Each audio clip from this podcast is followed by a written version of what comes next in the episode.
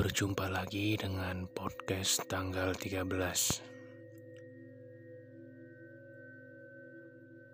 Malam ini saya mau cerita tentang kisah dari seseorang. Kisah ini antara sedih dan menakutkan.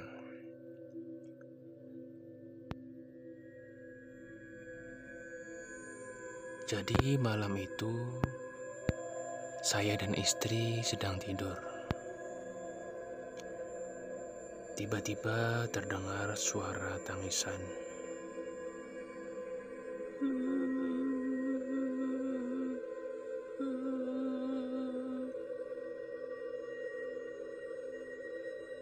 Tiba-tiba terdengar istri saya menangis.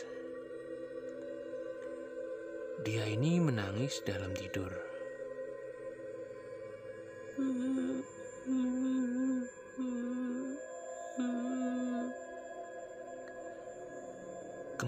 Saya coba bangunkan dia beberapa kali.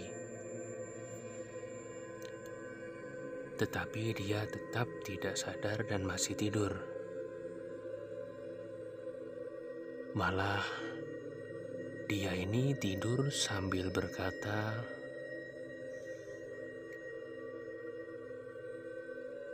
"Bapak, tunggu. Bapak, tunggu. Aku mau ikut, Bapak. Tunggu. Aku mau ikut, Bapak. Tunggu." Saya pun bangunkan istri berkali-kali sampai dia ini bangun dan tersadar. Sebenarnya istri saya ini sudah hampir empat bulan sakit.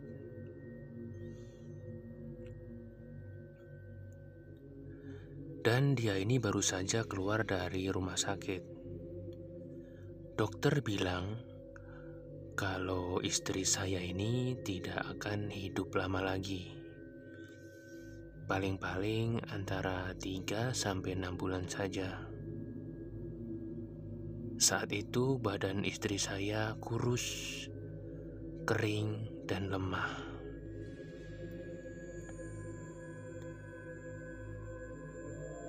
Saya bangunkan istri yang sedang bermimpi itu. Dia pun bangun sambil menangis, kemudian istighfar. Dan saya tanya, "Kamu kenapa kau nangis?" "Hah? Tadi kamu tidur sambil nangis loh." "Uh, tidak apa-apa, Abang. Tidak apa-apa, Bang." Dia ini menjawab sambil meneteskan air mata di pipi sebelah kirinya. Kemudian saya tanya lagi dan dia jawab, katanya dia ini mimpi kalau dia bertemu dengan almarhum bapak. Maksudnya di sini almarhum bapak dia atau mertua saya. Katanya almarhum bapak datang ke rumah malam-malam di jendela dia ini, bapak ini datang ke jendela malam-malam sambil melambai-lambai ke arah istri saya. Katanya dia mengajak istri saya untuk ikut. Untuk ikut dia.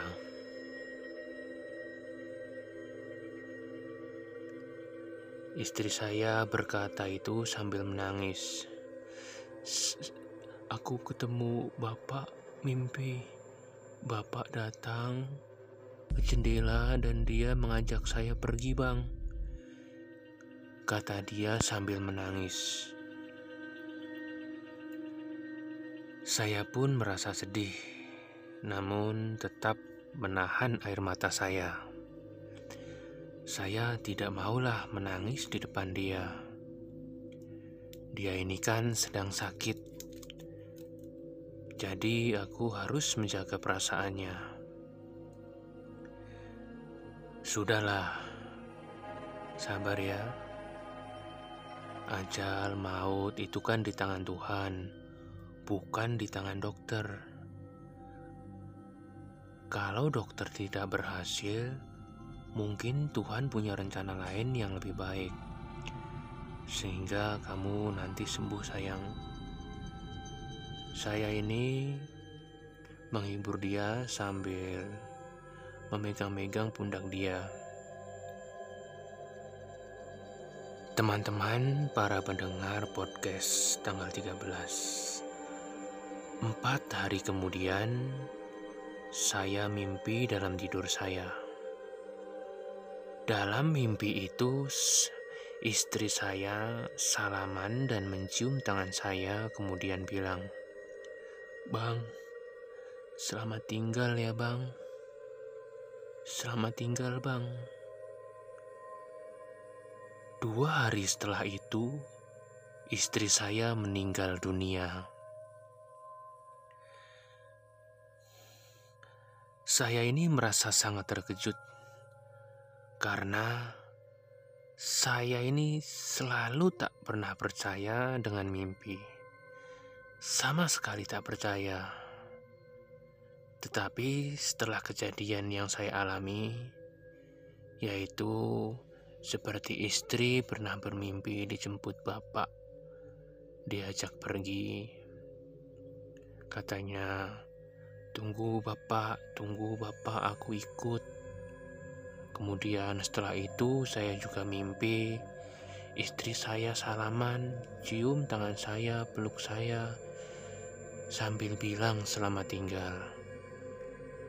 Dua hari kemudian, istri saya juga menghembuskan nafas terakhir. Setelah kejadian itu, setelah istri saya meninggal, anak saya yang berusia 11 tahun menangis setiap malam. Setiap malam dia akan panggil ibunya. Ibu, balik ibu. Ibu balik. Ibu, ibu balik. Dia ini setiap malam nangis terus. Saya pun mencoba menenangkan dia.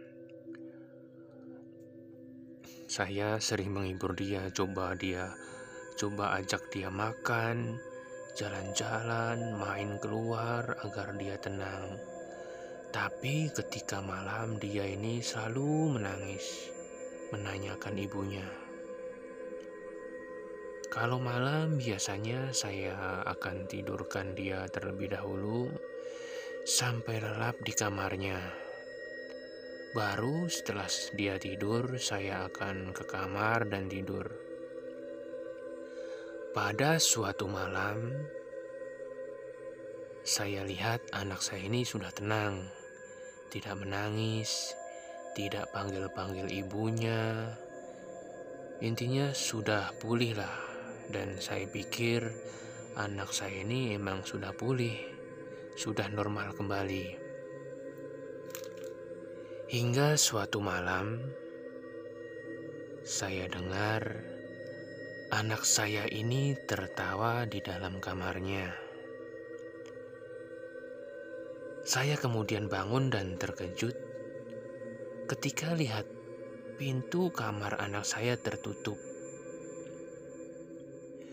Untuk pengetahuan teman-teman pendengar podcast tanggal 13, kamar anak perempuan saya ini kalau tidur memang tidak pernah ditutup.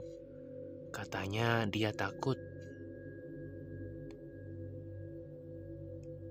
Memang sebelumnya saya pernah nasihat dia lah saya ini sebelumnya kasih nasihat, kamu ini kalau tidur pintunya ditutup lah, belajar ditutup. Karena ayah kan lelaki di rumah ini, kamu perempuan. Jadi kalau kamu tidur pintunya ditutup, nggak perlu takut ya. Namun pada malam itu seperti saya ceritakan tadi, pintu anak saya ini ditutup, padahal biasanya tidak pernah ditutup. Saya pun terkejut. Kemudian, ketika saya coba buka, ternyata pintunya dikunci dari dalam. Kemudian, saya ketuk pintu kamar anak saya. Yara, buka pintunya. Yara, buka pintunya. Kemudian anak saya ini bangun. Terdengar dia melangkah ke arah pintu dan pintu itu dibuka. Kretek gitu dibuka pintunya. Uh, ada apa ya? Yara, kamu belum tidur? Uh, Yara tadi tidur ayah. Baru aja bangun ketika ayah ketuk pintu. Yara, kenapa kamu tutup pintu? Biasanya kamu nggak pernah tutup pintu ketika tidur kan? Kan kata ayah gak bagus kalau tidur, pintunya katanya disuruh tutup. Jadi aku tutup pintunya. Yara, tadi kamu di dalam sedang apa?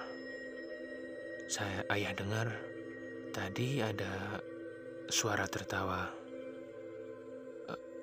Eh, Zahra tadi tidur ayah. Aduh, udahlah. Ayah tidur lagi ya. Aku mau tidur. Singkat cerita, saya coba selidik-selidik beberapa hari dan rupa-rupanya akhirnya anak saya memberitahu kalau malam katanya ibunya datang. Ketika malam ibunya akan datang di jendela. Dan dia ini senyum sambil panggil anak saya. Sambil senyum panggil anak saya. Yahra. Yahra. Ibu pulang. Yahra, ibu pulang nih. Akhirnya, saya tidak ada pilihan. Saya pun menemui seorang ustadz. Dan ustadz itu bilang, katanya paling gampang, anak saya ini tinggalkan rumah dahulu tidur di rumah saudara atau di rumah nenek atau di rumah paman terlebih dahulu. Kata ustadz tersebut katanya, setiap orang yang meninggal, maksudnya setiap orang itu mempunyai korin, yaitu jin yang mendampingi manusia, termasuk Anda dan saya. Korin ini adalah jin kafir, kecuali korin Nabi Muhammad. Oleh karena itu, disarankan kita ini berbuat baik dan ibadah. Kalau korin itu suka, maka dia akan masuk ke Islam. Ketika orang sudah meninggal, korin itu tidak ikut meninggal. Tetapi lazimnya, ketika tuanya mati, dia akan tetap di rumah. Tetap di rumah tuannya hingga lama. Namun, lama-kelamaan dia akan pergi sendiri. Pada kejadian ini, anak Anda ini masih mengingat-ingat ibunya. Jadi, Korin itu ambil peluang. Korin itu bisa menyerupai macam-macam wajah manusia termasuk termasuk tuanya yang telah meninggal. Sebab itu, ada kalanya Ketika di rumah ada kelebat orang entah suami, istri, atau wajah, kerub, wajah keluarga yang lain, dia akan menyerupai wajah keluarga. Padahal sebenarnya kelebat itu adalah koren yang menyerupai keluarga. Setelah dinasihatin ustadz itu, saya pun membawa anak saya ke rumah neneknya yang tidak begitu jauh dari rumah. Kemudian Selang tiga bulan, anak saya saya bawa balik ke rumah lagi. Dan Alhamdulillah, saat ini tidak ada gangguan lagi. Terima kasih. Selamat malam.